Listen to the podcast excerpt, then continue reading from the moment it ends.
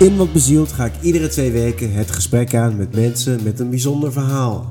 Mijn naam is Jeroen Roodnat. En vandaag spreek ik met Ik zit hier met Tom Loijs, ontwerper en conceptontwikkelaar. Tom Loijs richt zich in zijn werk op de mens, intimiteit en seksualiteit. Hij probeert daarmee dit beladen maar alledaagse onderwerp een onderdeel van het openbare gesprek te maken. Zijn expositie Foreplay, gecureerd met Sanne Muizer en Embassy of Intimacy in MU Eindhoven, zijn een van de best bezochte tentoonstellingen van de afgelopen Dutch Design Weeks. Wat bezielt Tom Loijs? Tom, hallo. Welkom. Dankjewel. Hoe gaat het? Goed. Ja? Zeker, ja, lekker. Zit, hier, zit er lekker bij. Ja, dat is goed. Ik voel me hier helemaal op mijn gemak. Ja, is mooi hè? Ja, goed geregeld. Ja. Mooi cozy. Ik ga net over een paar weken in een nieuw huis zat op te denken van, ja, kan ik jou ook niet inhuren om eh, een lekker plantje neer te zetten, stoeltje, goed sfeertje. Ja, komt helemaal goed. Hey Tom, ehm, wat voor concepten ontwikkel je? Eh, ja, het is eigenlijk een beetje, ik hing daarin op twee paden, of twee dingen waar ik me bezig hou, twee velden waar ik me eh, in verdiep. En de ene kant is dat eh, podcast en audio concepten. Dus met de podcastboom waar we nu in zitten, ehm, probeer ik onder andere voor de Nederlandse spoorwegen, maar ook voor culturele instellingen plannen te maken voor een, een toffe podcast. Ook voor de VPRO trouwens, maar dat mag allemaal wel mag een beetje spannend zijn. Dus niet zozeer gewoon een, heel lineair verhaal, maar ik probeer daar een beetje de randen op te zoeken van vertelvormen en hoe je je verhoudt tot een podcast en hoe die tot jou spreekt, dat soort dingen.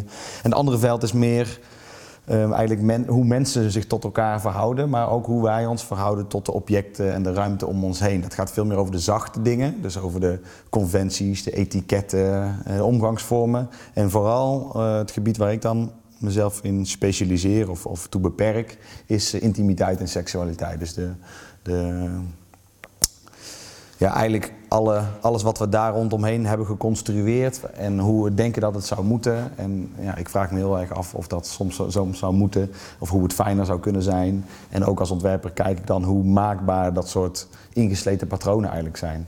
Ja, wat even een stapje terug. Je, je bent op de Design Academy al gaan nadenken over eh, intimiteit. Ja, dat klopt ja. En hoe is dat ontstaan? Ja, de Design Academy, in ieder geval als ik het voor mezelf zou eh, formuleren wat ik andere mensen vertelde wat ik aan het doen was, is het toch dat je het voornamelijk bezighoudt met kwaliteit van leven in de breedste zin. Ja. Dus je kan bijvoorbeeld een hele lekkere stoel maken, of je kan een hele mooie plant of een interieur maken, dat, dat voegt iets toe. Maar wat ik opvallend vond, was dat, je, dat het zo weinig ging over intimiteit, eigenlijk over seksualiteit. Dat vond ik eigenlijk heel raar, heel opmerkelijk. Ik denk, ja, als er iets een bron is van genot, van plezier, maar ook van frustraties, pijn, onzekerheid, is het ook wel seksualiteit. En ik denk, ja, daar is volgens mij ook nog heel veel in te winnen. Ja, maar want, want hoe ben je op dat idee gekomen dan? Om daarover na te gaan denken? Ja, dat ik, ja, bedoel, je zit met allemaal geile twintigers daar bij elkaar. En eh, ik bedoel, het gaat eigenlijk maar over één ding.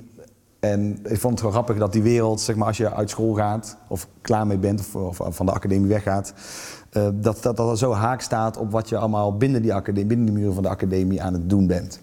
Ehm, en denk van ja, eh, wie houden we eigenlijk hier nou voor de gek? Ik bedoel, los van, eh, ik dacht ook wel van ja, ben ik, zit het misschien allemaal in mijn hoofd, ben ik zo'n gefrustreerde idioot. Maar met dat ik er met mensen over ging praten, merkte ik eigenlijk van ja, dat liggen eigenlijk heel veel vragen op tafel. Eh, kansen voor ontwerpers om iets mee te doen en die worden gewoon niet gepakt. Om, ja. Wat voor vragen dan? Nou ja, ik, op een gegeven moment was ik bezig met een project over pornografie. En toen kwam een meisje die ik eigenlijk helemaal niet zo goed kende van de academie kwam naar mij toe en die ging een beetje zo naast mij zitten in de kantine. En zei, ja, jij gaat toch iets doen met eh, porno? Ik zei, ja, dat is nu een beetje het idee, ja. Ze zei, ja, ja, want mijn ex-vriend die keek veel porno en ik wist eigenlijk niet wat ik daarmee moest. Ik zei, oké, ja, dankjewel voor het delen. Maar ik had dan niet, ze kwam bijna met me, aan mij, ze schoof bij me aan, bijna met, de, met de, verwachting dat ik daar misschien iets mee kon. Dus we hebben het er wel even over gehad, van nou ja, oké, hoe kan dat dan? En dan heb je het dan be- besproken, maar ik wilde ook, ik ga helemaal niet op de, op de stoel zitten van een soort van psycholoog daarin. Maar ik merkte daarin wel, en dat is misschien ook wel mooi om, om aan te geven. Voor mij is ontwerpen is heel erg het vormgeven van de cultuur eigenlijk. En ik merk dat die cultuur rondom seksualiteit, of we porno kijken of niet, hoe we dat dan delen, of waar we met vrienden over praten, eh, eh, of je tegen iemand zegt dat je een lekkere vrijpartij hebt gehad gisteren of niet. Is dat iets wat we dan bespreken? Of willen we dat eigenlijk wel bespreken? Kunnen we daar iets van leren? Ehm, eh, dus dat soort vragen kwam ik daarin wel tegen. En ik ja, er zijn een hoop mensen die ermee worstelen, ook zelf. Van ja, hoe moet het eigenlijk? En kan ik daar met mijn vrienden over hebben? En weet je wel, ik wil toch vooral een soort van stoere vent zijn eigenlijk, terwijl ik dat helemaal niet ben. Maar ja, hoe verhoudt zich dat dan tot, tot de mannen om mij heen en de vrouwen om mij heen? Ja, want, je ging een want wat voor project over porno was dat? Wat ging je doen? Nou, op een gegeven moment moesten we, het was een tweeledige opdracht. We moesten, het was learn a habit, break, oh nee, break a habit, learn a skill was de opdracht.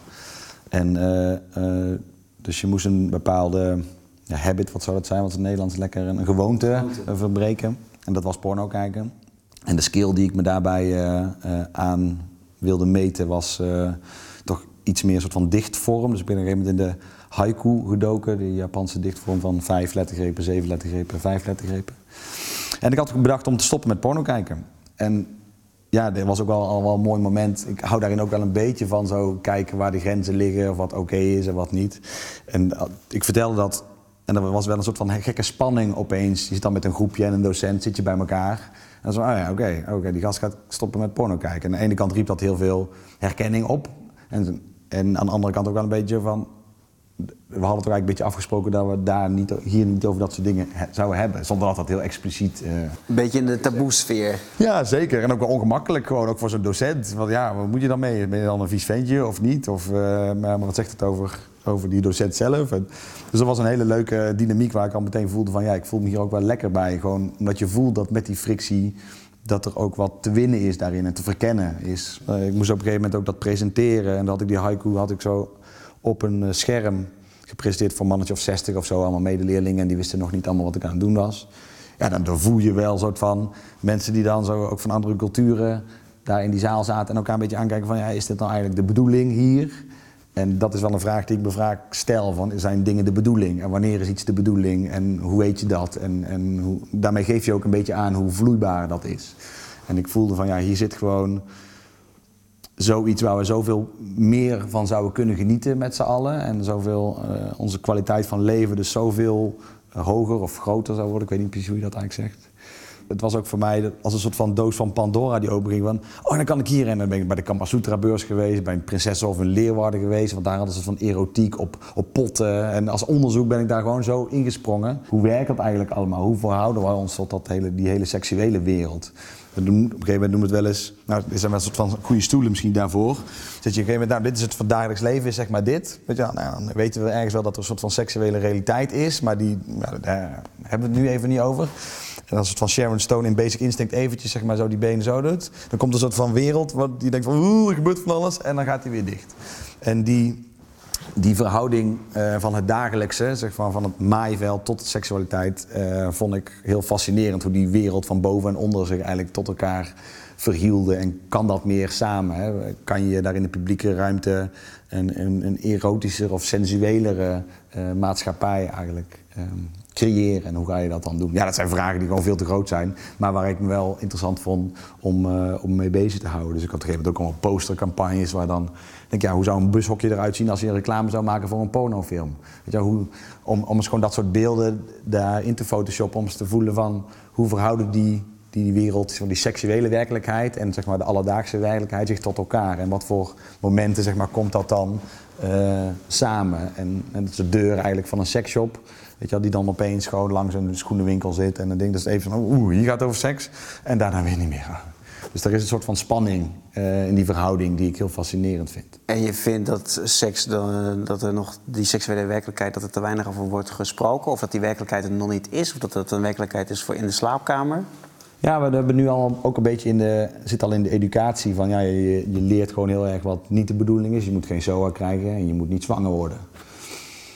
Ja, en daarna gaan we verder met, weet ik veel wat, door andere hormonen dingen. Maar er wordt helemaal niet verteld over hoe je ervan kan genieten. En wat fijn is en dat het voor heel veel mensen verschillend is. En uh, je wordt ook niet uitgedaagd om dat bij jezelf te gaan doen. Dus je, het verkennen van je eigen lichaam, maar ook uh, begaan zijn met het lichaam van de ander. Uh, je eigen grenzen aangeven, maar ook kunnen zeggen van juist wat je wel prettig vindt. Hoe zou je daarin voorlichting willen, willen geven dan? wat zou je willen zeggen?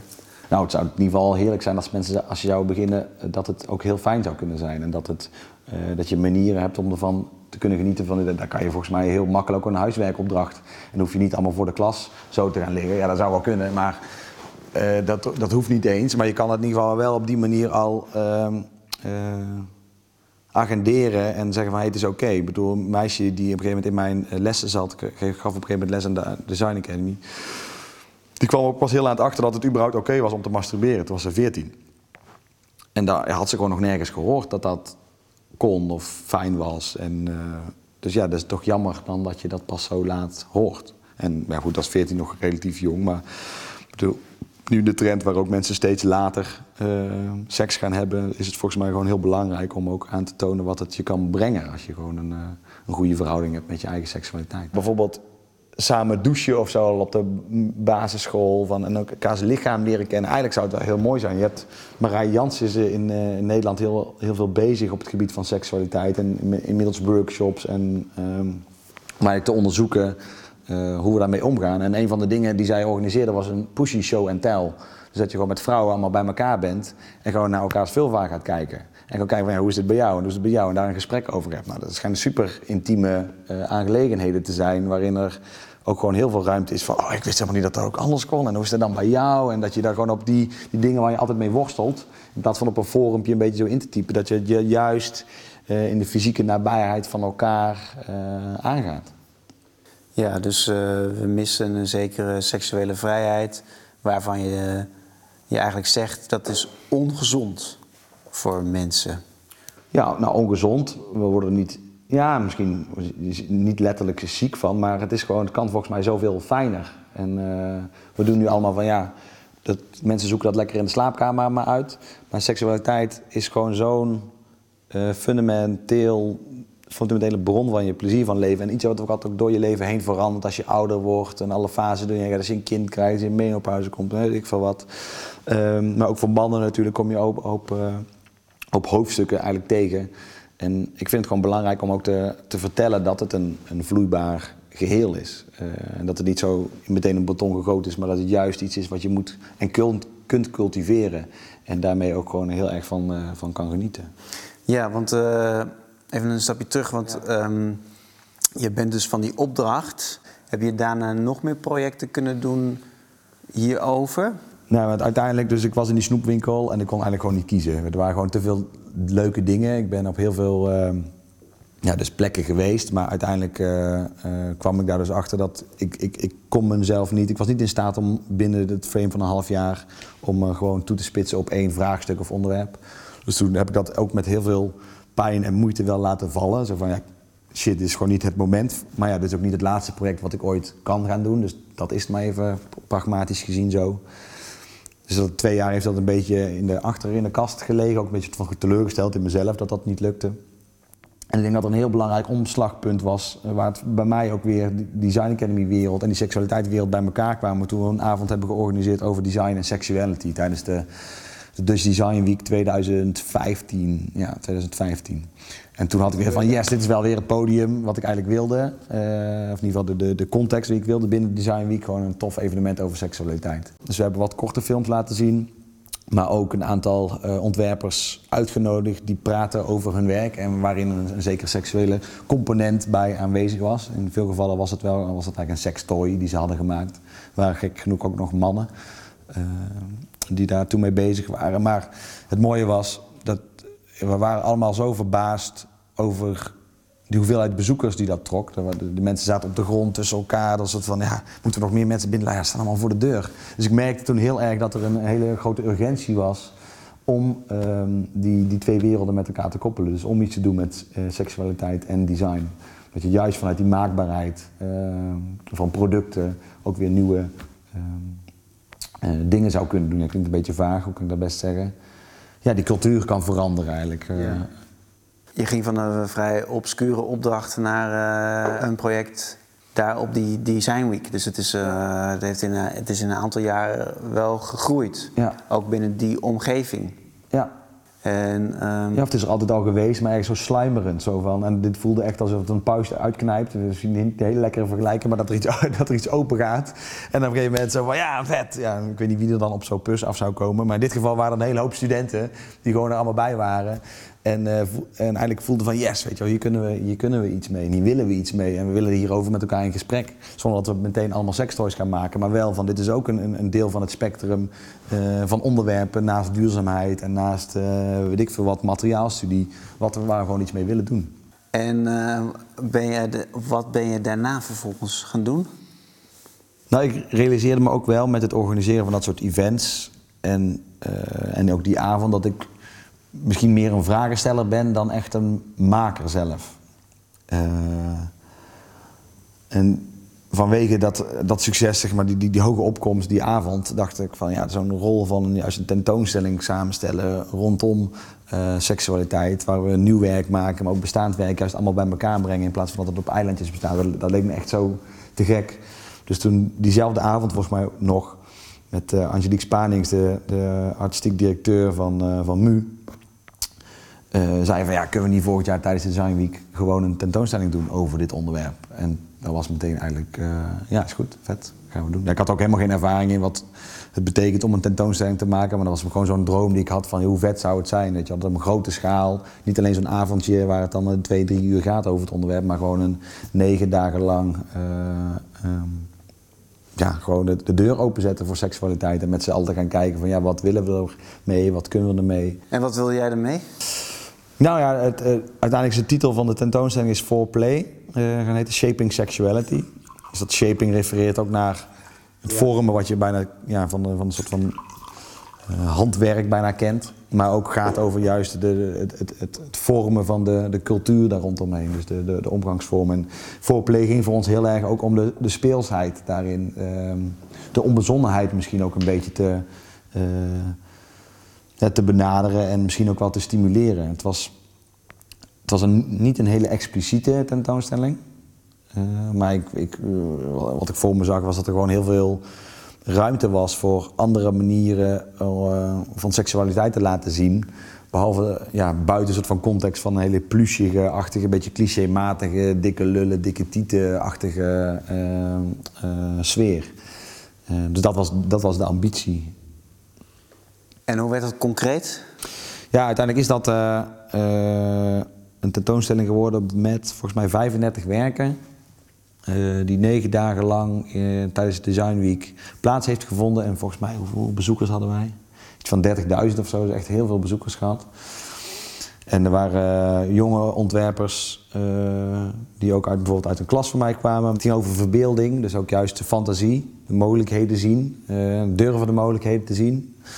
Eh, het ging over het lijf, dus hoe goed we ons lijf kennen. Dat is een werk in bijvoorbeeld van eh, Michel Degen, die afstudeerde eh, dat jaar op de Design Academy, wat een spiegeltje is waarin vrouwen hun vulva kunnen bekijken. Dus eigenlijk met het vormgeven van zo'n product faciliteer je of creëer, je ook een soort van legitimiteit voor zo'n actie. Je zou kunnen zeggen van je kan het gewoon met een normaal spiegeltje doen, dat zou ook kunnen. Maar doordat je er een specifiek product voor maakt, wat ook met die zeg maar, intentie is ontworpen, creëer je ook weer ehm, eh, meer of mogelijkheid of soort van, oh, het is oké om gewoon naar mezelf te kijken. Eh, en dat, dat ging dus heel erg over het lijf, maar ook over het, het afbeelden van, eh, van seksualiteit. Dus wat een heel mooi werk van Arnold Holleman, wat heette Family and Friends. Dat waren eh, een serie van volgens mij vijf of zeven tekeningen van eh, slappe piemels die gewoon bij elkaar hingen. Letterlijk. En, die, eh, en dat was eigenlijk heel gezellig. Waren een soort van vogelnestjes. Gewoon heel teder. Weet je. Maar als je aan seks denkt, dan denk je aan stijve lullen en vocht en dit. En dit waren gewoon hele lieve, kwetsbare piemeltjes bij elkaar. En los van dat die titel Family and Friends ook wel allerlei associaties op, opriep van hoe is die verhouding tot de kunstenaar met die piemels. Maar gewoon, dus daar, ik denk een werk of 7, 8 of zo, hebben toen ook laten zien van ja, je kan op andere manier naar je lichaam kijken. Ook Marie Bolt bijvoorbeeld, die heeft prachtige foto's gemaakt van, eh, van eh, ouderen die intiem zijn met elkaar. Dus waar je gewoon de rimpels ziet en weet je, dat is ook gewoon realiteit. Want normaal denken we seksualiteit is iets van jonge, strakke lijven of mensen. Maar ja, dat gaat natuurlijk ook gewoon je leven lang door. En dat willen we in ieder geval, ik zou ook voor pleiten om dat wel, dat gun je toch je oma of je ouders, weet je wel, dat ze daar gewoon nog gun je jezelf om daar nog over uh, 50 jaar ook van te kunnen genieten. Maar dat is een beeld wat we niet meer zo zien als sexy of, of associëren met seksualiteit. Uh, dus dat waren eigenlijk voor de, twee voornaamste thema's. Dus het durven zien, de, de, de, fantasie. Dus hoe, hoe kunnen we weer fantaseren?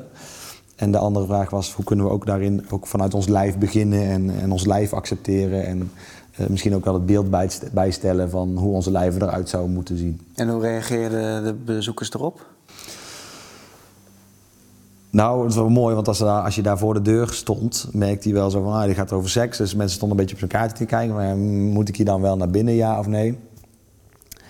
Maar eigenlijk dat ze binnen waren en dat ze al om zich heen niet een soort van cacophonie van vibratoren en dingen zagen en weet ik veel blote lijven, was het toch wel uh, al snel een soort van slaak van opluchting. Uh, die eigenlijk een hele, hele lage, of te zorgde voor een hele, hele menselijke benadering van seksualiteit en die zich vertaalde in dat er ja, gewoon zulke mooie gesprekken eigenlijk. Het was een soort van conversation starter eigenlijk heel erg. En, en dat was wel mooi, want mensen met hun, hun ouders die er kwamen, maar ook met hun kinderen. En op een hele um, ja, vanzelfsprekende manier eigenlijk dat onderwerp uh, zo is, met z'n met allen aanvlogen. En sommige dingen van, ja, dat vind ik helemaal niks. En andere van, oh ja, daar kan ik me iets bij voorstellen. Glenda Silva had bijvoorbeeld hele mooie um, soort van hacks gemaakt op bestaande uh, hulpstukken. Dus een rollator en een kruk. En die gaf hij met die heks een soort van seksuele werkelijkheid. Dus uh, ja, dat, klinkt, dat leg ik veel te krom uit. In principe was een rollator, had hij gewoon een schuifding opgemaakt. Zodat je daar met je billen overheen kon schuiven. Dus dat je eigenlijk geassisteerd werd. Ja. Uh, in die kruk had hij zo gemaakt dat je er een tripod van kan maken. Dus dat je één been makkelijker omhoog kon leggen. Waar op die manier makkelijker seks zou uh, kunnen hebben. bedoeld echt voor ouderen. Dus als het lijf niet meer zo werkt als dat je zou willen. Nou, ik weet nog dat ik daar door de tentoonstelling liep en dat je echt zo van die mensen zei: hé, maar zou iets voor jou zijn? Of van die ouders. En dat, dat er niet eens van, nee, maar zo, oh ja, ja, dat zou op zich wel kunnen. Weet je, dat, dat het gewoon tot de mogelijkheden behoorde. Dat vond ik wel echt het, uh, het allermooiste. En dat, er, uh, dat het daarin ook constructief was. En helemaal niet bedoeld om te chockeren, maar gewoon eens een, an, andere zienswijze op seksualiteit te tonen.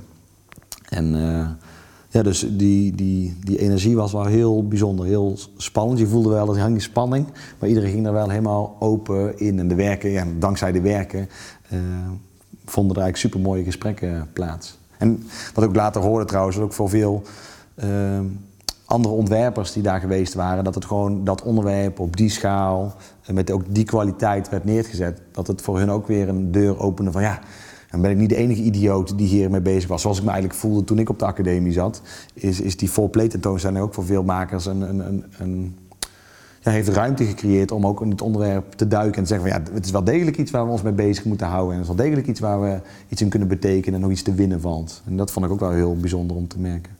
Ja, want die docenten die eerst naar jou keken van uh, wat moeten we met het onderwerp binnen de academie, zijn die later ook nog naar jou toegekomen en hebben zij er iets over gezegd? Zijn ze er dankbaar voor dat je het hebt binnengebracht? Ja, ja, ja wel. Ik denk wat wel ook was wel een, een, een, een eh, mannelijke docent die ook wel daar.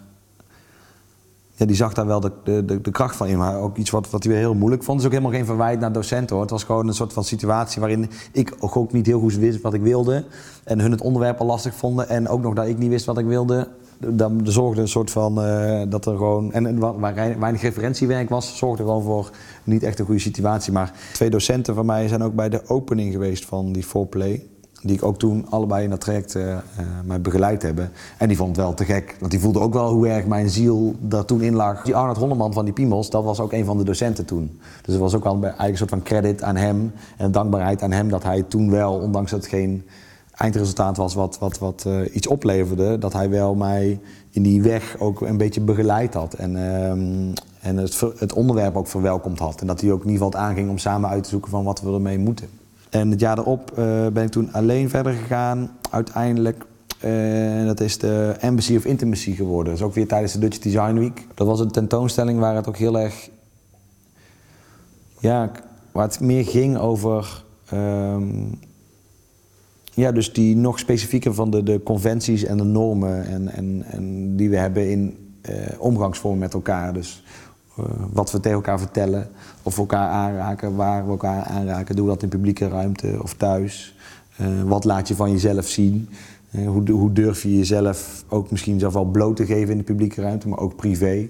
Ehm, dus dat ging niet zozeer over seksualiteit, maar misschien iets meer nog wat eronder ligt. Ehm, En wat versta jij onder intimiteit? Ja, dat is altijd wel een hele lastige vraag, vind ik. Het, volgens mij, voor mij gaat het wel echt over kwetsbaarheid eh, tonen en openstaan voor de kwetsbaarheid van anderen. En ja, dan heel erg over de manier waarop wij daar maniertjes voor gevonden hebben om daarmee te dealen of daar niet mee te dealen. En hoe kwam dat tot uiting in eh, de Embassy of Intimacy? de werken die daar eh, eigenlijk tentoongesteld waren, omdat het dus heel erg gaat over juist die interactie tussen mensen. eh, die hadden ook allemaal een, hele sterke performatieve kwaliteit. En performatieve kwaliteit bedoel ik dat er echt iets te doen was. Je zou het een activatie kunnen noemen of je zou het een, een theatrale kwaliteit kunnen noemen. Er waren heel veel mensen die dus dingen met jou deden of jou verwelkomden of heel veel persoonlijke aandacht. Ehm, dus het ging ook eh, bijvoorbeeld het eh, werk van ehm, Martijn Engelbrecht en Marjolein Zwakman. Dat ging in, dat hebben Please Touch, dus stickers gemaakt, waar, waarin je eigenlijk bij binnenkomst van de tentoonstelling gevraagd werd van hey, wil je aangeraakt worden? En dan kon je zeggen bijvoorbeeld ja, maar nee was ook even goed. En ja, oké, als het antwoord ja was, nou waar zou je aangeraakt willen worden? Kon je een plek aanwijzen op je lijf. En die plek werd dan eigenlijk bezegeld met een, eh, met een sticker. Die je dus eh, droeg terwijl je in de tentoonstelling was. Maar in de praktijk ook eh, buiten de tentoonstelling heel veel gedragen werd. Wat heel erg ging over van ja, hoe, kunnen we het weer het, eh, opnieuw onderzoeken wat die aanraking is. En misschien ook wel ervaren hoe het fijn, hoe het fijn kan zijn. Het is natuurlijk het eerste wat je allemaal doet, is van oké, hands-off, weet je wel. De, eh, pas op plek. En volgens mij is die beweging juist heel mooi om weer te- samen te gaan kijken van eh, wat zijn misschien nieuwe omgangsvormen of nieuwe manieren waarop we aan aanraking van elkaar kunnen wennen. En met die stickers zorgden we ook voor dat de bezoekers onderling elkaar een beetje gingen aanraken. En ik weet ook nog dat ik iemand aan het rondleiden was of een groep aan het rondleiden was. Niet meer bewust dat ik een sticker zo op mijn onderrug had zitten. En op een gegeven moment dat een, een oudere man legde zijn hand zo op mijn onderrug. En de eerste reactie was wow, oké, wat moet hij dan van mij? Is het ook pers of weet je wel? Maar die blik in zijn ogen, samen met die aanraking, was eigenlijk zo eh, comforting. Wat zou dan een Nederlands woord? Of zo, ging zoveel, eh, ja, was zo lief eigenlijk, zo goed, zoveel goedheid. Eh, dat ik ook daarna meteen weer ontdooide en weer smolt. En echt ook genoot eigenlijk van, oh was het eigenlijk lekker dat iemand je gewoon even zo, gewoon heel bemoedigend, was misschien nog een beter woord, een bemoedigende aanraking kan geven. En dat je die ook zo kan interpreteren en kan ontvangen. Maar daarin realiseerde ik mezelf ook al van, oh ja, dit zijn we helemaal niet meer gewend. Maar wat jammer eigenlijk dat we dat niet gewend zijn. En wat andere eh, projecten die er waren, die hadden dus allemaal die soort van zekere speelsheid, die onder, die onder mate van eh, onderzoek van ja, hoe we ons tot elkaar kunnen en willen verhouden. En waar liggen die grenzen en hoe geven we die grenzen aan en eh, hoe zou het ook anders kunnen wat dat betreft. Zo'n bezoeker die kwam op een gegeven moment naar me toe en die beschreef het ook echt als de, de humane enclave van de Design Week. Je moet je voorstellen, ja, daar loop je dus in veel gevallen langs allerlei eh, shows waar dan een mooi glas staat en een mooie nieuwe vaas. En, maar dat is heel gratuit, zeg maar. Nu dan kijk je gewoon naar een object en dan kan je een foto van maken, kan je om me heen draaien. Maar als op een gegeven moment een mens tegenover jou staat en die wil iets met jou en je gaat samen onderzoeken wat dat is, ja, daar, daar, daar- gaat het opeens over, echt over je mens zijn en hoe we met elkaar hier toch een feestje van maken. Of in ieder geval een, een fijne samenleving. En dat vond ik wel een super mooi compliment. Eh, en ook iets wat wel heel erg nodig is in die context van, eh, van de designwereld. Dat het er heel erg gaat over ja, het menselijke aspect van hoe brengt het ons bij elkaar. Vind je dat, eh, dat het aan menselijkheid ontbreekt? Ja, zeker. En ik- wat het mooie vind aan intimiteit, en misschien nog wel eh, duidelijker vinden aan, aan seksualiteit, is dat je ongeacht cultuur of leeftijd er allemaal wel een verhouding toe hebt. Eh, of het speelt, seksualiteit speelt altijd een rol in je leven. Of het nou een fijne rol is of niet, of een rol is van eh, suppression of juist van totale vrijheid en verkenning. En omdat het eh, zo'n gegeven is wat dwars door allerlei lagen en, en, en culturen heen gaat, is het ook een, hele, een heel mooi onderwerp, vind ik, om juist ook weer mensen bij elkaar te brengen. Om ook te laten zien dat we veel minder van elkaar verschillen als dat we onszelf soms vertellen. Dus is er achterliggende motivatie eigenlijk om mensen samen te brengen? Absoluut. Voor jou? Ja, zeker. Ja, ja, dat vind ik wel. Dat was ook bij die foreplay zo vet om te zien dat het gewoon die oudere mensen ook met jongeren opeens daarover in gesprek gingen. En ook de kinderen daar vrij rond konden lopen. En weet je, dat je dus daar zo eh, met zo'n plezierige manier en iedereen vanuit hun eigen blik. Dus, ik weet nog een kindje die was gewoon gefascineerd bij een heel mooi werk van Ine en Sanne. Wat op de muziek van de Venga Boys hele vrolijk versierde tieten waren. Die zeg maar door het beeld heen uh, dansen. Niet seksueel, maar gewoon heel vrij en heel, heel speels. En dat was ook wel mooi. Ik zag die vader daarbij zo staan. En van ja, moet ik, moet daar nou iets van zeggen? Maar dat kindje die zat, die zat er zo met zoveel plezier naar te kijken. En dat was ook gewoon goed. En... Uh, dus dat ze samen een beetje verkennen wat die rol is van seksualiteit, dat vond ik wel echt, uh, ja, dat vond ik wel heel memorabel. Ja. En dat was nog wel duidelijker bij die expo over, over seks dan over de intimiteit. Dat dat gewoon, uh, ja, dat was nog iets vager in zekere zin. Ja. Hey, en je zei net, uh, of een tijdje geleden, zei je al dat je ook les geeft op de academie. Ja. Waarin ge geef, je geeft les in het onderwerp? Ja, toen wij dus die eigenlijk toezegging hadden van dat we een, grote tentoonstelling gingen doen, wat uiteindelijk die 4Play eh, tentoonstelling zou worden. Toen dacht ik van ja, ik wil ook wel met deze, deze toezegging op zak eigenlijk naar de academie. Om te laten zien van hé, hey, er zitten echt wel mensen op dit te wachten. En ik zou het ook echt een hele mooie uitdaging vinden. En ook wel een eer om te gaan kijken van kan ik dit onderwerp binnen de academie introduceren en met een club studenten hiermee aan de slag gaan. Ik had toen net één uh, vakje al gegeven als soort van assistent, dus ik was er al een beetje binnen. En toen zijn we echt met z'n allen in een soort van hele super intieme, bijzondere, kwetsbare tocht eigenlijk uh, vertrokken, of een soort van route vertrokken. En echt iets aangegaan met z'n allen, want ik wist ook niet precies hoe dit onderwerp uh, zou moeten vertellen en wat eigenlijk oké is. Want je hebt natuurlijk ook een gekke machtsverhouding, je bent docent. Wat vertel je dan tegen docent? En is het eigenlijk oké om geld te worden als iemand iets vertelt in de les? Weet je, ja, dat soort dingen die ook nog niet zozeer gaan over het lesgeven, maar ook gewoon over de cultuur uh, er rondomheen. Want seksualiteit, dat vond ik echt fascinerend. Dus uh, eigenlijk was het heel mooi. In de eerste les deed ik een soort van voorstelrondje. Dus ook vroeg ik ze waarom ze dit, deze, dit vak hadden gekozen. En dan kwamen meteen al zulke persoonlijke verhalen uh, in naar voren. Van iemand die nog maagd was bijvoorbeeld en die het heel moeilijk vond in deze maatschappij waar dat toch een beetje wordt gezien als iets weirds als je dan nog boven je twintigste bent. Uh, uh, maar ook iemand die een lange afstandrelatie had, die daar moeite mee had. Er werd er zoveel gedeeld. En dat was meteen al zo van yes, weet je wel, hier zijn we wel echt met iets goeds bezig.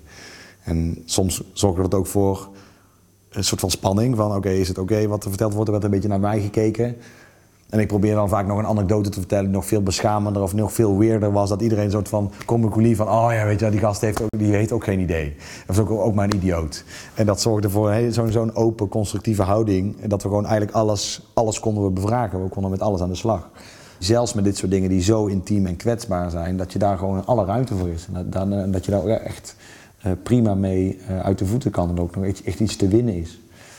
Uh, zonder dat ze per se helemaal sekstoys hoeven maken. Maar het gaat volgens mij om iets veel groter. Zodat je ook het echt het persoonlijk durft te maken. Niet per se hoeft, maar ook kwetsbaar. En dat je juist wel dat soort grote thema's aan durft te, aan durft te gaan. Ja, ik vind het echt een soort kunstenaarschap bijna. Je hebt een uh, designer en je hebt ook gewoon een, iemand die nadenkt over haar of zijn se seksualiteit. En dat stopt in, inderdaad in een, uh, in een kunstwerk. En alle producten van de Design Academy zijn dat Moeten dat praktisch toepasbare producten worden of kunnen het ook denkoefeningen zijn? Ja, het zijn ook wat denkoefeningen, bijna een soort van modeshows ook. Hè. Die modeshow-stukken die komen uiteindelijk nooit in de, in de winkel te hangen, maar zijn wel inspiratie voor. Maar juist wat ik mooi vind, dat het vak wat ik gaf, dat er wel hele concrete dingen ook uitkwamen. Dus een meisje die had een, eh, een masturbatiepak gemaakt. Gewoon een soort van onesie, die gewoon thuis aan zou kunnen doen. Uh, maar waar uh, hier openingen zaten en hier openingen zaten. En ook nog een soort van uh, riempjes die je aan kon trekken. Waardoor een soort van spanning tussen je benen ontstond. Dat je met je, door het bewegen van je schouder eigenlijk jezelf een beetje kon stimuleren. En ze had die gaten zo gemaakt dat je gewoon lekker bij jezelf kon. En je kan je voorstellen, Um, op die manier gaat het ook wel over legitimiseren van bepaalde acties. Dus dat was gewoon super mooi gemaakt. Dus je kan je voorstellen als dat in de bijkorf hangt. Weet je, dat is gewoon een heel een praktisch ding. Je kan er gewoon lekker aan jezelf zitten en een beetje thuis uh, rondhupsen. Maar ook iemand die had een, een, een, speelgoed gemaakt voor kinderen. waarin juist de genitaliën heel erg aanwezig waren. Of even goed aanwezig waren als een armpje. In plaats van hè, normaal een Barbie of zo, daar zit helemaal. Ja, die billen heeft hij, maar aan de voorkant gebeurt helemaal niks. Het is ook raar als je als kind zijn, je hebt zelf wel iets, maar je kijkt naar die Barbie en heeft het niet. Weet je, wat, wat, welk verhaal vertel je daarmee? Dus op die manier zou je ook kunnen kijken op een andere manier naar uh, kinderspeelgoed bijvoorbeeld. Hoe daar seksualiteit of het lijf, want een naakt lijf is absoluut niet per definitie seksueel. Iets wat ik nog een grote frustratie van mij is. Maar juist gewoon het lijf in, in alle verschijningsvormen mag, mag zijn. Dus die, die toepasbaarheid zit er wel in. En ik denk wel, dat is ook wel iets wat ik nastreef. Dat, dat, die, dat ik wel Kijk, los dat die dingen nog niet in de winkel verkrijgbaar zijn, maar dat je wel de intentie hebt dat het, dat het kan. En op die manier ook juist die, die, die cultuurvormgeving, eigenlijk waar ik het eerder over had, dus het, echt het vormgeven van de cultuur gewoon echt uh, mogelijk maakt. Waarin kunst nog soms meer een beschouwing is, een reflectie op. En inderdaad wel een soort van zienswijze introduceert, die je dan vervolgens mee naar huis kan nemen en eventueel uh, ergens anders op kan toepassen. Maar uh, ik wil echt de, de, woonkamers in, de slaapkamers in, bij mensen thuis. Uh, de, de, rekken in, eigenlijk op die manier. Om, om, ik geloof gewoon dat daar, dat daar heel veel kansen liggen. Waarom ben je überhaupt de Design Academy gaan doen? De intentie was, ik wil niet achter in een bureau zitten, ik wil met mijn handen bezig zijn. Ik was de, op de middelbare school ook veel met uh, eh, CKV of je handarbeid, en hoe je dat noemt, bezig. Veel met CKV, want iedereen heeft toch maar één of twee CKV? Ja, klopt. Maar ik had dan altijd wel zo'n tussenuurtjes. Ik had een soort van gek pakket waar een combinatie was van. Uh, van wiskunde ook heel vet. Dus ik had een soort van wiskunde B, terwijl ik eigenlijk een maatschappijpakket had wat meer sociaal-cultureel was. Waardoor ik ook heel veel lege uren had en die kon ik dan heel mooi uh, extra in de handarbeid en het handarbeid lokaal eigenlijk besteden. Wat ging je daar dan doen? Ja, ik ging dan gewoon lekker verder met projecten waar ik daar in de les mee bezig was. Dus gewoon, je had daar gewoon uh, leuke machientjes en materiaal. Ze konden gewoon een beetje zo vreubelen en een beetje handelen. Dan was je een jaar of 15 en dan ging je gewoon zelf in je eigen uren daarheen? Ja, 15, 16. Ook wel tegen het afstuderen meer, denk ik. Dat toch 17, ja, toen 17 was of zo. Ja, dat is heerlijk. Gewoon zo een beetje daar uh, aan klooien. En op een gegeven moment kon je ook goed met die docenten overweg. Dus dan kon, je daar ook zelf, kon ik daar zelf in. Het is ook wel grappig als ik nou aan terugdenk. Toen was ik nog wel veel vanzelfsprekend met mijn handen bezig. Terwijl als nu helemaal, ik heb helemaal geen machines en ik heb helemaal geen behoefte meer om echt zo dingen te maken. Ja, was je toen ook al conceptueel aan het denken? Nou, ik vond dat wel leuk om ook die vragen die bij, uh, bij handenarbeid, laat ik het zo even noemen, of de opdrachten, om die al wel op een conceptuele manier te benaderen. En op een gegeven moment was er een opdracht van de keuze van maak een maquette van een huis, maquette van een huis, of maak een perspectivische tekening dat kan, maar wat zou er gebeuren als ik een perspectivische maquette zou gaan maken? Dus dan ben ik eigenlijk een huis gaan bouwen wat helemaal alle lijnen die liepen in een soort van perspectief. Dus waar je een van uh, superperspectief huis kreeg, wat heel gek was. Ja, los van dat het verder niet per se super mooi uitzag. Op een gegeven moment een soort van kerstboom, omdat ik ook zoveel tijd had dat ik echt dingen bij uh, maakte. Maar dat gaf al wel aan dat ik het heel leuk vond dat merkte ik al dat ik het gewoon heel leuk vond om ook die vragen om te draaien. Maar ja, wat zou er gebeuren als? En uh, daarin zit wel die, die, conceptuele denkwijze heel sterk in. En dat ik daar ook veel plezier uh, aan ontleen, zeg maar, om dingen zo op een andere manier te kunnen benaderen. En was het een geslaagd project? Nou, het staat nog steeds op de kast in het huis van mijn moeder. En, uh, dus die, mijn moeder is er super blij mee. hey, en heb je dat handige van huis uit? ja, ik kan me wel herinneren dat als ik vroeger als kind al op de, de workmate van mijn vader, weet dat ding die zo kan klappen met die twee die je met van die wieltjes zo uit elkaar kan zetten. Dat hij, ah, hij ging dan altijd klussen of dingen doen. En dan was het dan mijn dankbare taak vaak om op een plank te zitten, zodat die plank bleef liggen. En dan kon hij een beetje zo zagen. Dat was een van de eerste herinneringen dat ik daarmee bezig was. Gewoon moest ik een plank eigenlijk vasthouden. Uh, en er werd om, om en rondom het huis wel veel geklust. En mijn vader was daarin ook wel toch wel erg proactief. Ik weet nog dat hij ook mijn kindersurprise, of mijn kinder, nee, hoe heet dat? Mijn surprises op de basisschool op een gegeven moment ging maken. En voor een meisje die hield van paarden, hij had helemaal een soort van houten paardenkoppen gemaakt en dingen uitgevreesd. En, en uiteindelijk iets ruimte gemaakt, dan kon er een labello in, want die moest er ook een cadeautje bij hebben.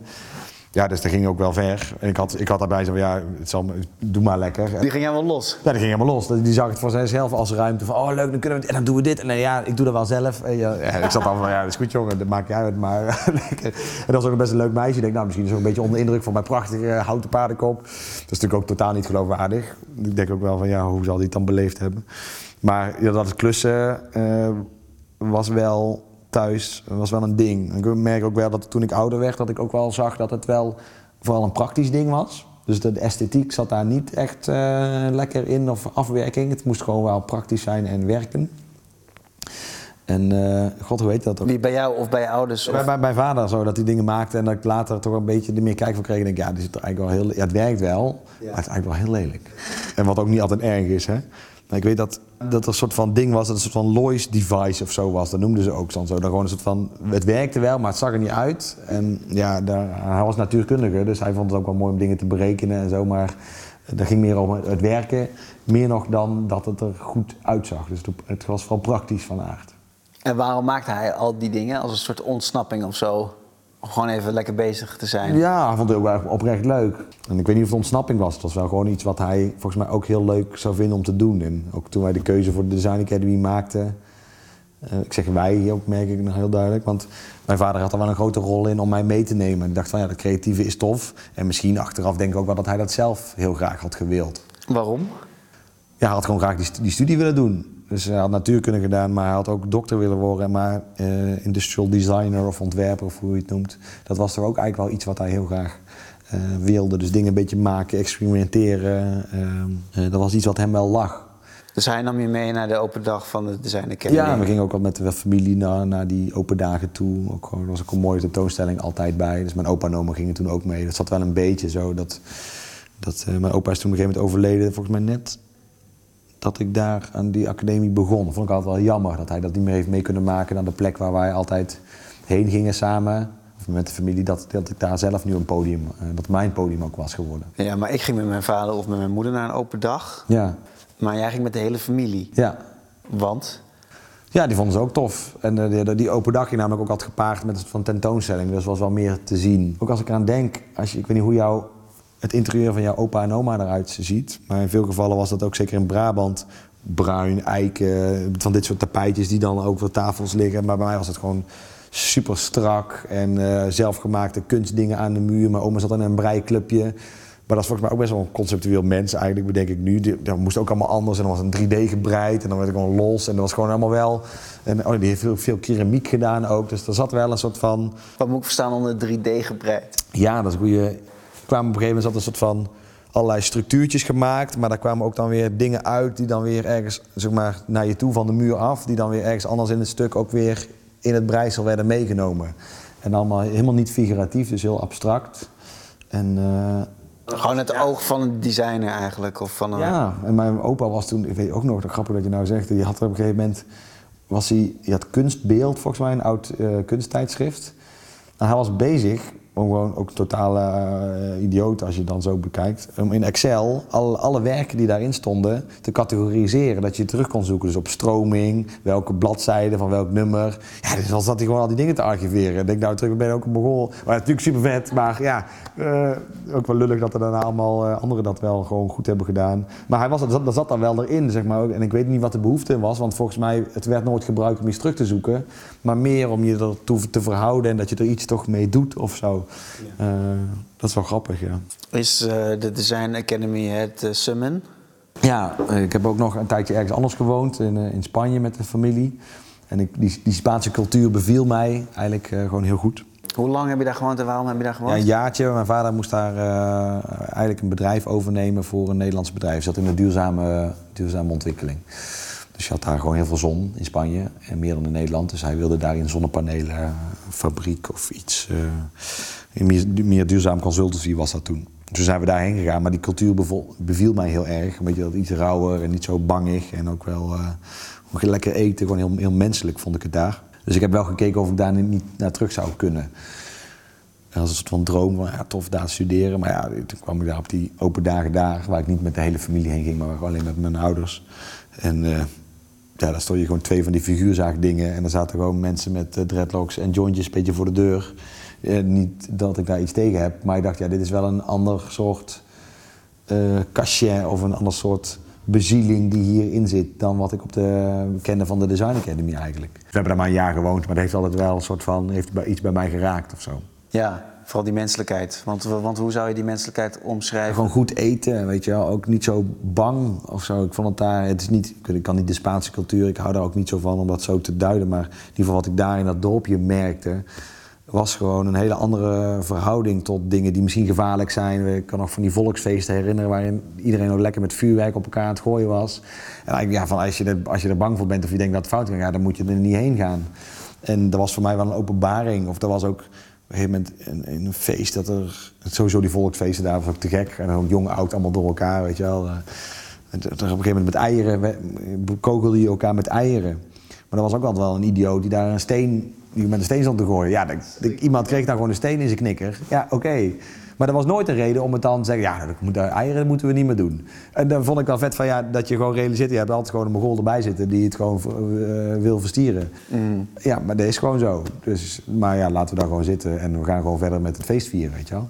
En dat vond ik wel heel mooi. En was ik al lekker eten en sensueel, dat er toch iets meer ja, warm, ook heel hartelijk naar elkaar toe, maar ook wel ja, je zegt wel dat Nederlanders direct zijn, maar er zat ook wel een felheid in, weet je, een soort van dat hele temperamentvolle, wat, uh, wat ook wel veel met intimiteit te maken heeft voor mij. Dus het durven uitspreken van je woede en niet alleen maar soort van zachtaardig en lief zijn, maar juist ook dingen die je frustreren daarvoor staan, vond ik daarin heel, uh, heel ontluikend toen, toen als, uh, als 15, 16-jarige. Ja. ja. eigenlijk zeg je dat wat in de Spanjaard al zit, dat zoek je in de Nederlander of dat probeer je een soort van te bewerkstelligen door de projecten die je doet? Ja, ik, wil gewoon een soort totale uh, hoe noem je het, hersenspoeling eigenlijk hier laten plaatsvinden. Nee, maar dit is wel, uh, wel uh, ik ben daar wel door getriggerd, merk ik. Ja. Daar zitten wel waardes in. Um, en ik moet zeggen, ik weet ook niet zoveel van de Spaanse cultuur. In de zin van, werd er veel over seksualiteit gepraat? Hoe is het, de seksuele educatie daar? Uh, dus los van dat, maar wel een bepaald soort van vibe die daar hing, die ik gewoon heel mooi vond. Ehm, en ook ja, wel inderdaad graag in Nederland zou willen, willen zien. Maar ja, goed, het is ook net of er behoefte aan is. Ik kan daar wel lekker in mijn eentje bedenken. Maar ik heb het idee dat, uh, dat ik daar ook wel dingen in wakker kus of wakker maak bij mensen. Van, oh ja, en waarom doen we dit eigenlijk allemaal zo? En uh, ja, volgens mij is het veel fijner als we het uh, zo, zo, zo gaan doen. Dus er is wel ruimte om daar wat in te ontwikkelen. Ja, want was je op de, mm, op de Design Academy, was je daar ook nog uh, vrij praktisch uh, van aard? Of veranderde dat snel? Nou, ja, ik kwam daar en ik heb ook een soort van fascinatie voor wiskunde en, en, en ook economie. Dus de, de, de, dingen, de abstractie die daarin zit, dat heb ik altijd heel uh, poëtisch gevonden op een gekke manier. Gewoon die formules die dan kunnen kloppen of de manier waarop wij de wereld hier om ons heen vertalen in een soort van cijfers en formules.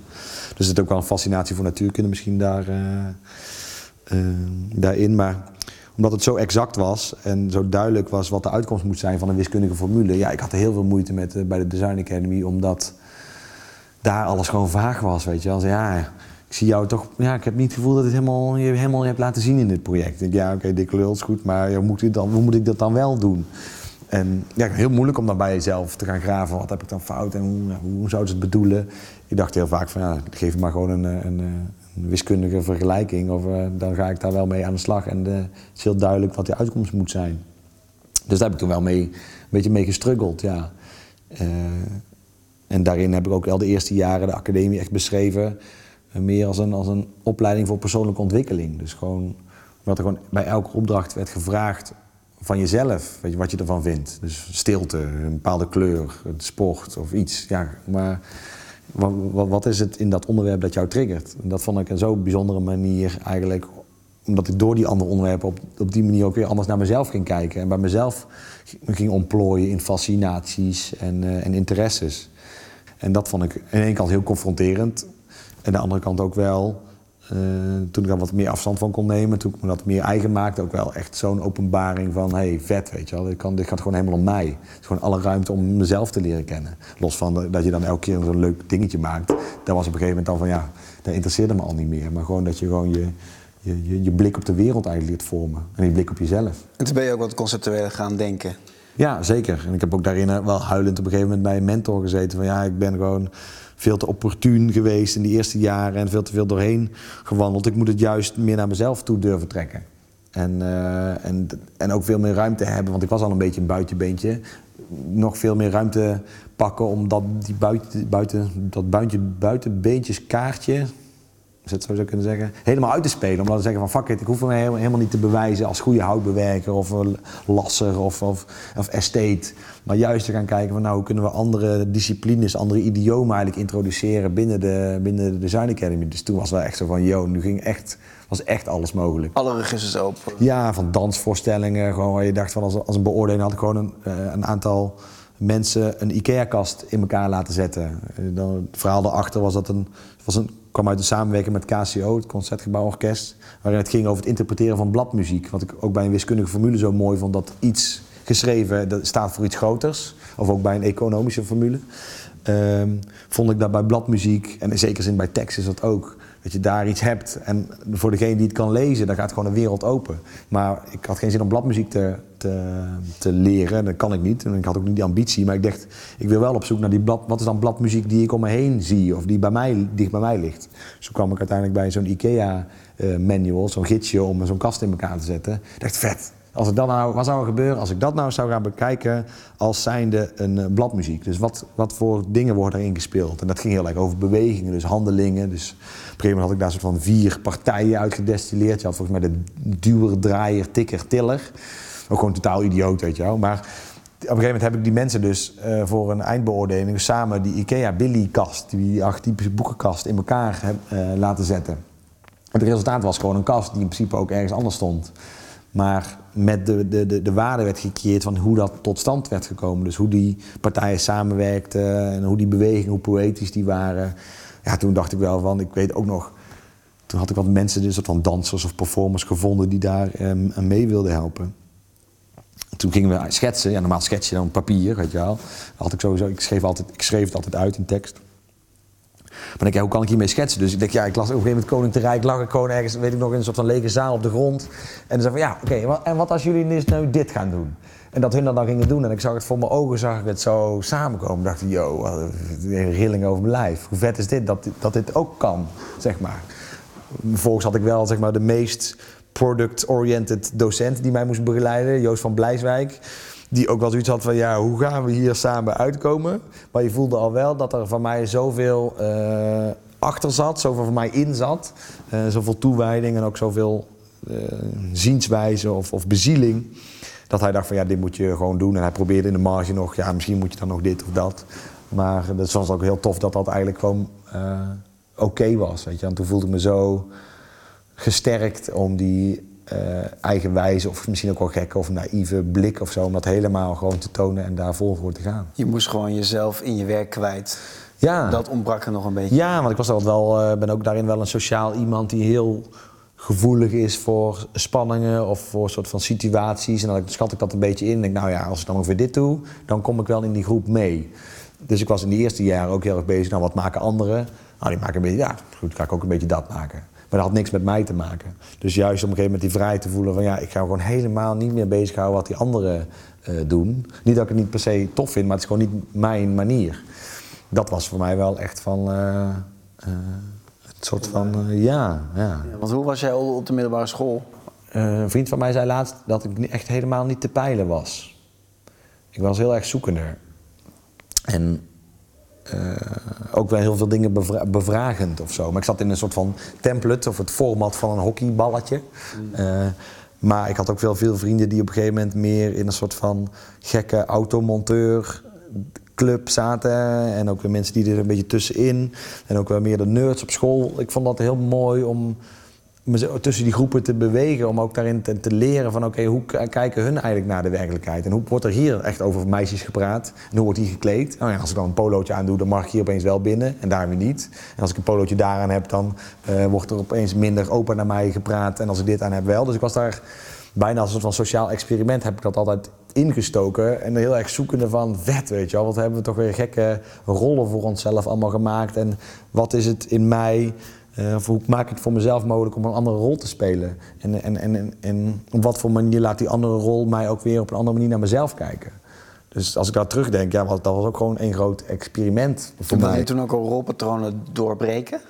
Ja, ik vond het wel heerlijk, want op een gegeven moment zit je met één been daar en één been daar. Ja, dan weten mensen ook niet meer waar je je moet plaatsen. En daar, daar, daar creëer je ook weer, weer heel veel ruimte mee om daar weer een soort van nieuwe invulling aan te geven, wat een soort van gek is. Maar dan de volgende dag kan je toch weer stap je daar weer uit, dan stap je weer in een ander template. Wat, waar- oh, nee, oh, ja, oh ja, dat is een beetje dit. En vervolgens vloog ik dan weer helemaal weg.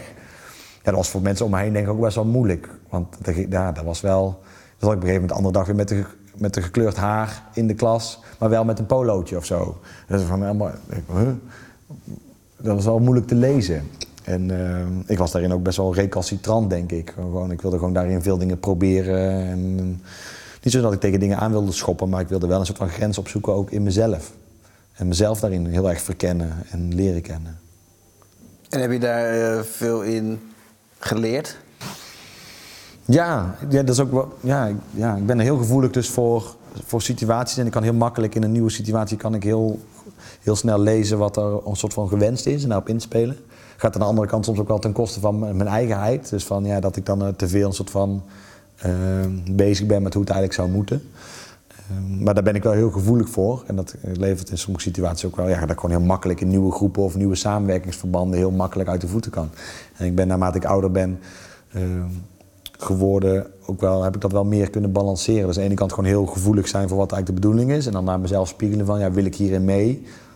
Of op wat voor manier ga ik hierin mee? En ik ben ook denk ik wel vaak iemand die dan opeens soort van heel gek uit de bocht komt. Of, of eigenlijk met een beetje een grap maakt die, waar je, hoe is het eigenlijk wel de bedoeling? Je speelt eigenlijk met sociale conventies. Ja, ja echt. Ja, de- en dan ook zeker als iemand een machtspositie heeft of zo, of erboven staat, dan even een beetje kutten, weet je, even zo prikken. Of iemand uit zijn rol halen. Dat vind ik een van de mooiste dingen. Gewoon dat je een vraag stelt die meer gaat over.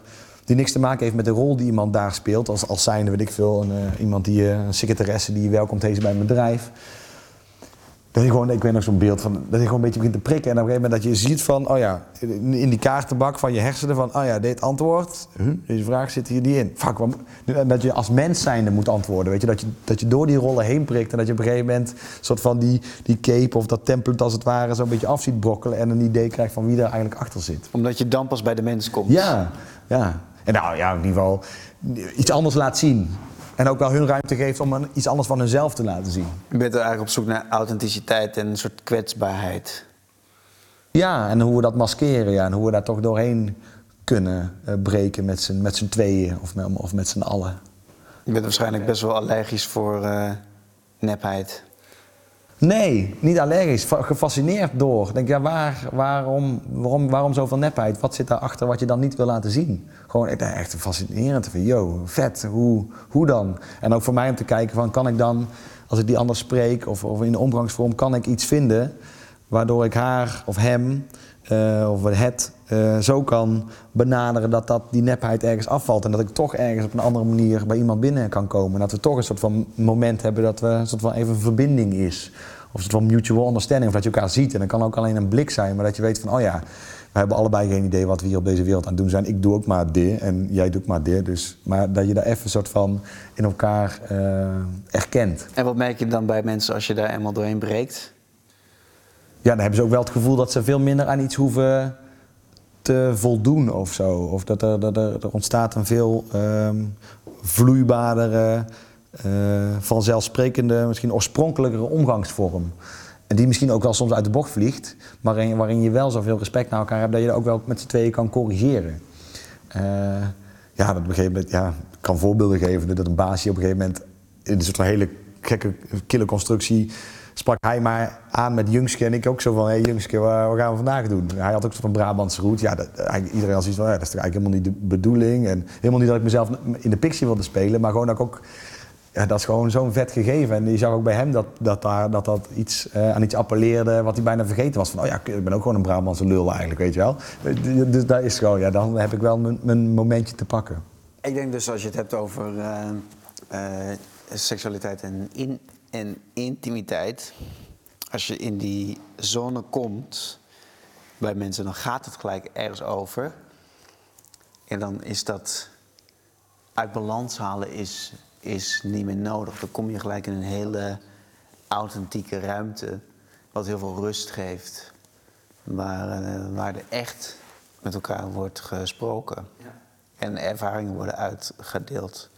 En op de een manier denk ik dat dat hetgene is wat je er ook zo aan aantrekt. Om in die ruimte te zijn met mensen. Oh, dat herken ik helemaal. Laatst ook bij een opening in, eh, dat werk wat ik net over vertelde over die stickers, dat was nou in Dublin, Science Gallery daar, uh, tentoongesteld en ook geactiveerd. Dus er werden ook stickers geplakt. Sowieso leuk om te zien hoe dat dan in die context werkt. Maar we zijn daarna met alle, het hele team van de Science Gallery en een aantal makers waren mee. Op een gegeven moment hadden we een borreltje.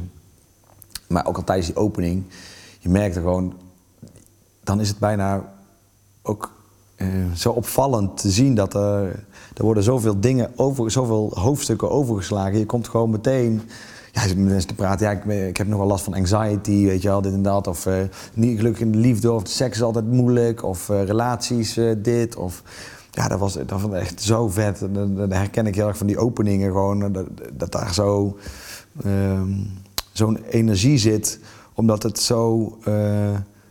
Um, bijna ontluisterend is hoe dicht je bij elkaar kan komen, hoe snel je dicht bij elkaar kan komen. En dan is ook van, wow, vet, weet je. Je hoeft het niet over die fucking bullshit allemaal te hebben. Maar gewoon meteen gewoon ook je strubbelingen. Waar, waar we, en zonder dat je daar iemand erin wil overtuigen, maar gewoon dat je het met elkaar wil delen en dan samen naar wil kijken. En helemaal niet dat je overtuigen of een oplossing zoekt, maar gewoon dat het er mag zijn. En dat is wel uh, echt iets wat, ik heel, wat mij heel dierbaar is. En uh, ja, toen ik bij die opening dacht dit is toch wel zo'n ook een, een, een, zegen om in dit gebied, vakgebied of in dit, met het onderwerp bezig te mogen zijn. Omdat het, omdat het gewoon zo gaat over ja, wie erachter gewoon de, de, de, de, de eerste laag zit of zo. Of achter, achter je, het beeld, maar gewoon wie ben jij privé en op je allerkleinst, op je allerkwetsbaarst. En hoe zorg je voor een sfeer dat mensen dat willen vertellen. En niet eens dat dat het doel is, maar gewoon de ruimte geeft als dat zou willen vertellen dat dat kan. Uh, in alle met alle respect en wordt ontvangen. En wat is je volgende project? Uh, het volgende project wat ik wil gaan doen is weer wel tijdens de uh, Design Week. Dus ik heb in 2016 en 2017 een tentoonstelling gedaan, dus over intimiteit en seksualiteit. Dit jaar niet, of in 2017 of 2018 niet. Maar 2019 wil ik eigenlijk wel weer ook een beetje getriggerd door ook die fascinatie en dat het in Dublin zo vet was. Denk, ja, de, en dat het ook gewoon daarna niet gebeurt. Dit, dit jaar tijdens de Design Week was er gewoon eigenlijk geen echt project over seksualiteit. Ja, er waren een paar projecten, maar geen groter, een groter geheel. Dat het in een, bij elkaar en, en dat de som van de werk ook weer meer wordt dan. Uh, of uh, dat, dat het gewoon echt zo borrelt. Dus dacht ja, ik moet dat toch. Dan, misschien ben ik dan degene die dat toch wel weer moet gaan doen of proberen of mensen bij elkaar brengen. Ehm, ik word ook heel vaak gebeld door studenten of gemaild dat ze iets met een project doen wat over seksualiteit gaat, maar toch met de docenten toch nog niet helemaal uitkomen. Dus ik zat nou met iemand van de master uh, van de Design Academy die een project wilde doen over strippen. En zij was zelf stripper geweest in Las Vegas een heel tijdje. En toen dacht ik ook van ja, vet man. Ik zei tegen haar van ja, oké, los van wat dit project gaat worden, we moeten gewoon een soort van striptent tijdens de Design Week gaan neerzetten. En gewoon helemaal opnieuw bedenken wat dat zou kunnen zijn. Dus los van een soort van lekkere wijven, dikke tieten of gespierde mannen. Misschien kan dat wel, maar dat je juist gaat kijken wat kan, hoe kan je zo'n erotische sfeer creëren. Weet je wel, dat je gewoon net als nu gewoon met blosjes op je wangen zit, omdat je voelt van er, er bruist iets. En er wordt dan iets geappelleerd wat zo mens eigen is, maar wat zo weinig aan wordt gesproken. En, Um, ook misschien met een mooi diner erbij, weet je wel? Dat je echt een heel sensueel diner hebt. Ik bedoel, iets eten is ook gewoon echt wel een, een, een, een kan een heel erotisch ding zijn. Dus het gevoel van je lippen, dat iets in je gaat. Dat droom nu is om daar wel een soort van dinerruimte, striptease, plek, bar... Uh, en een soort van mini-expootje te, te doen. Waarin het dus niet alleen maar ook weer werken zijn die tentoongesteld staan. Maar dat je ook wel mensen echt meer mee kan nemen in een beleving. En dat is het mooie van Design Week. Daar heb je gewoon zoveel mensen uit alle, allerlei lagen van de bevolking. Wel een beetje culturally minded. Maar die gewoon allemaal er binnen lopen. Waar ben ik nou weer terechtgekomen? Ja. Die gun ik het ook om een keer zo'n striptent te staan. Zou je iets blijvends kunnen maken? Want er zitten hier ook wel heel veel aspecten in... Uh die je inderdaad in één ruimte zou kunnen stoppen, die gewoon altijd uh, toegankelijk zouden kunnen zijn. Ik denk veel na ook over de toekomst van, het seks, van een seksshop, of het bestaansrecht van een seksshop. En ik geloof dat dat veel meer zou gaan uh, naar een, een, een, coachingsclub, of een, waar ook een soort van medische component in zit, waar er gewoon een ruimte, een soort van vrijplaats is om je seksualiteit en je eigen lijf te ontdekken in een hele ongedwongen, uh, speelse fijne en veilige omgeving. Denk, ja, als dat dan niet op de, de opleidingen gebeurt, van ja, misschien en gaandeweg je leven ook aan terug kan komen en, en, en het kan hebben over je fantasie en daarin kan leren. En, dat zou iets blijvends bijvoorbeeld kunnen zijn. Maar ik ben zelf, misschien ook omdat ik zo onrustig ben, vind ik gewoon vet om zo'n even zo'n negen dagen te pakken. En dan hoop ik dat anderen dan geïnspireerd worden en dat misschien dan blijvend gaan maken. Ik heb daarin ook wel best wel veel ideeën gehad die nu gewoon uitgevoerd worden. Ja, ik heb dan niet zo van, ja, dat was mijn idee. Of heb ik ook bedacht van, vet, oké, ja, het is mooi dat het nu gebeurt. En uh, ben blij dat het er is. In wat voor vorm dan ook. Dus uh, ja, maar dit is misschien wel een volgende stap. Misschien als ik daarin nog wel wat rustiger word, uh, zou het heel tof zijn. Ja, het lijkt me wel te gek om. Maar ja, ik moet er ook eigenlijk niet aan denken. Ik zit, wou bijna zeggen, het lijkt me te gek om een striptent te hebben. Lijkt me eigenlijk hartstikke kut. Maar ik zou, het mooi willen zeggen om, om een soort van laten zien van hoe het ook zou kunnen. Of ieder geval mijn zienswijze. En daarin ook makers bij uitnodigen van kunnen we daarin een nieuwe manier verzinnen. Waarop een soort van een seksuele uitgaansgelegenheid die niet meteen leidt tot allerlei ongewenste toestanden. Maar juist iets naar boven brengt wat, gewoon, wat we eigenlijk heel fijn vinden met z'n allen. En daarin leer ik ook heel veel van de, van de, de gay community, als je het zo zou willen noemen. Gewoon in de manier waarop ze, uh, ja, ik, ik hou helemaal niet van generaliseren, maar wanneer je uh, nou, van bepaalde seksfeesten bijvoorbeeld, ik ken iemand uh, waar ik af en toe mee afspreek die veel in Club Church is, bijvoorbeeld in Amsterdam. Ja, ik, vind dat, ik leer daar heel veel van wat hij mij dan vertelt over afwijzen en, en een toenadering zoeken. En ook als je, als je bijvoorbeeld iets, met iemand wil en je zegt dan nee, dat dat gewoon oké is. En dat je ook daarin niet af van, ben ik dan niet goed genoeg, maar oké, is toch gewoon oké. En je, dat je gewoon heel, heel textueel kan zijn in wat je misschien zou willen. En als je niet textueel bent, dat je manieren hebt met bepaalde codes van gekleurde zakdoeken die je uit za uh, zakken laat hangen om daarmee signalen af te geven. Ik vind dat daar super inventief wordt omgegaan uh, met uh, manieren waarop je je seksueel tot elkaar kan verhouden. En die feesten ook, ja, weet je, of dan om plasseks draait of, of gewoon wat we allerlei, allerlei uh, er is gewoon alle, heel veel ruimte om dat te onderzoeken. En dat mis ik in mijn heteroseksuele context, mis ik dat een beetje. Ik weet niet hoe dat komt. Uh, natuurlijk heb je wel een soort van die parenclubs of zo. Maar ik geloof dat we daar zoveel van... Of niet, ik word daar bijzonder door geïnspireerd. Dus hoe daar uh, nieuwe manieren worden bedacht, eigenlijk nieuwe omgangsvormen... Ehm, worden toegepast om ja, je tot elkaar te verhouden en gewoon met elkaar goed te hebben. En gewoon precies aan te geven, ik wil dit, jij wil dit, jij wil dit niet, ik wil dit wel. En hoe we daar samen mee omgaan. En denk je dat het wel, eh, ja, denk je dat het wel mogelijk is in uh, heteroseksuele... Ja, ik vraag me af wat het dan daarin is. Is het, er meer, is het er een andere noodzaak of is het een andere urgentie achter? Of heeft het te maken met dat... Ja, ik, ik, ik heb misschien meer in gemeen met jouw lijf dan het lijf van een vrouw. Dus zou ik daardoor minder bang zijn of zou ik misschien meer weten wat, wat jij fijn zou willen vinden? Staat, staat daar op een niet gelijkwaardige, maar wel op een. Uh, is er meer een soort van gelijke grond om vanuit te beginnen? Dus dat, er misschien, dat je makkelijker in iemand anders kan inleven. En daardoor misschien ook makkelijker wordt om tot actie over te gaan. Ja, dat, dat, dat, dat zou ik bijna denken, dat het daar ergens zit of zo. Ja, in een heteroseksuele context heb je ook gewoon ja, met gekke spelletjes en dit is mannelijkheid en dit is vrouwelijkheid. Gewoon van die, ja, ik vind dat, van die, als je het over constructen hebt, weet je wel, waar je ook zelf onze identiteit in ophangen, maar ook bijna gewoon niks meer met onze menselijkheid te maken heeft. Waar je verwacht wordt om aan een bepaald plaatje te voldoen. Mannelijkheid en vrouwelijkheid zijn een construct. Ja, ja natuurlijk heb je wel je, je, hebt wel je fysieke kenmerken, maar wat die kenmerken volgens betekenen, ja, ik omschrijf mezelf liever als een, iemand die een, mens die een penis heeft, dan dat ik me man noem. En niet dat ik per se een genderfluïde persoon of zo, maar gewoon, ik, ja, ik, ik, ik heb niks met dat man-ding. Ik vind het ook onzin dat je daar heel tijd onderscheid in moet maken. Dat brengt ons helemaal niet. Dan heb je weer een, een situatie waarin er juist alles wordt gedaan om ons juist van elkaar af te nemen. Ik ben man, ja, maar jij bent vrouw. Weet je wel? Terwijl ja, bedoel, je bent allebei mens. Daar zou je ook kunnen beginnen. Want mannen onderling uh, verschillen of. Uh, nog wel meer als, een, als, als sommige mannen en vrouwen. Weet je? Dus waar, wat, wat hebben we daar eigenlijk aan dat een iemand zich vrouw noemt, of dat wij iemand vrouw noemen en de ander man? Ik geloof dat daar gewoon alleen maar zorgt voor heel veel onhandigheden en. en, en, en Ellende. Ja, zeker. Ja. En um, gaan we daar, uh, daarin de goede kant op? Wat, wat vind je van de huidige ontwikkelingen daarin? Nou, ik vind dat wel tof. Ja, dat je, ook als je geen, als je geen, een gender hebt wat buiten mannelijkheid of vrouwelijkheid valt, dat daar ruimte is voor in een paspoort.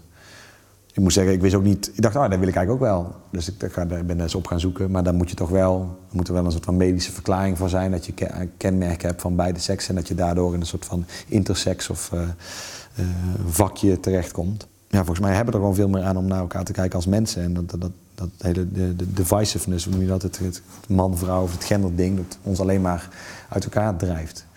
Dat is ook wel van die mooie verhalen ook waarin juist iemand die eh, de, de, de Indianen heb je al zo'n lekker verhaal wat dan in mijn wereld. De Indianen bijvoorbeeld, die, die erkenden vijf genders. Dus je had zeg maar aan de ene kant wel heel erg man en de andere vrouw.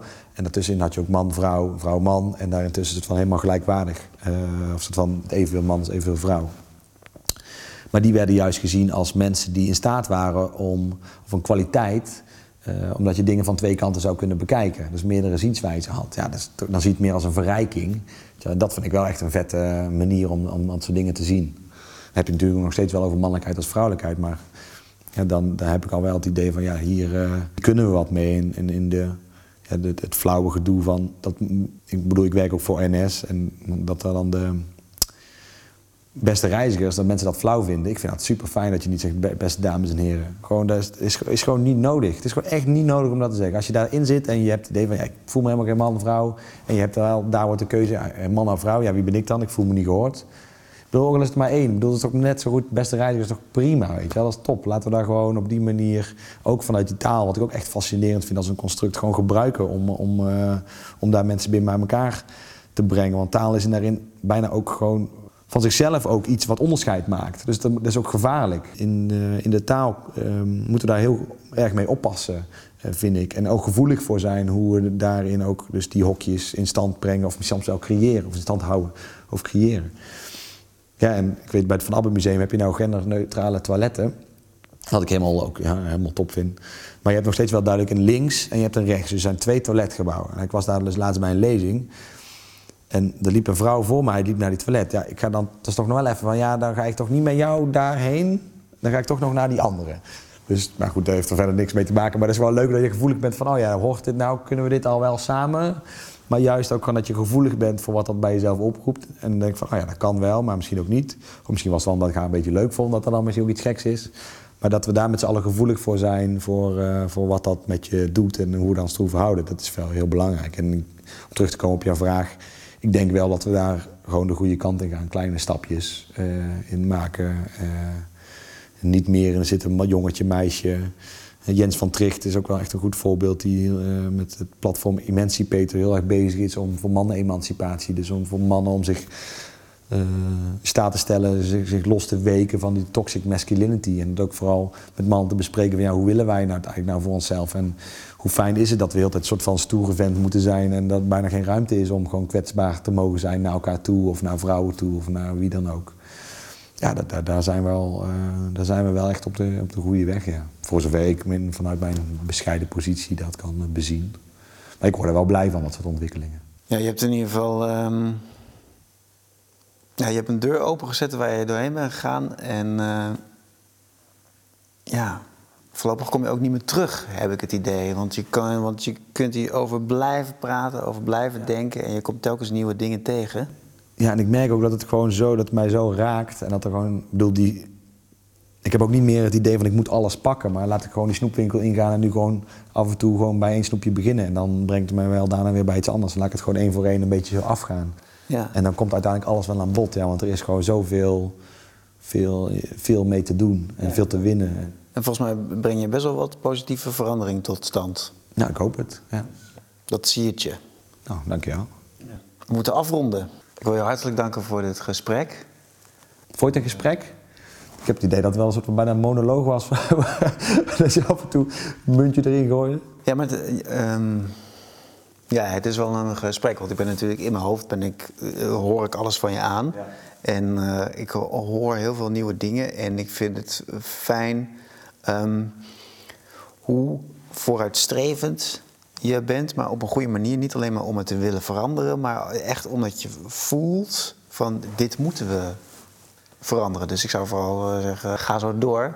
Ja, en ook iedereen mee. Je moet gewoon in taal spreken die voor iedereen uh, te begrijpen is. Dat is gewoon zo belangrijk. Anders krijg je weer zo'n niche-ding. Dat is gewoon, dit is te groot om een niche-ding te zijn. Ja, en uh, ik ben heel benieuwd naar je volgende project. En uh, ik kom graag langs. Lijkt me leuk. Hartelijk welkom.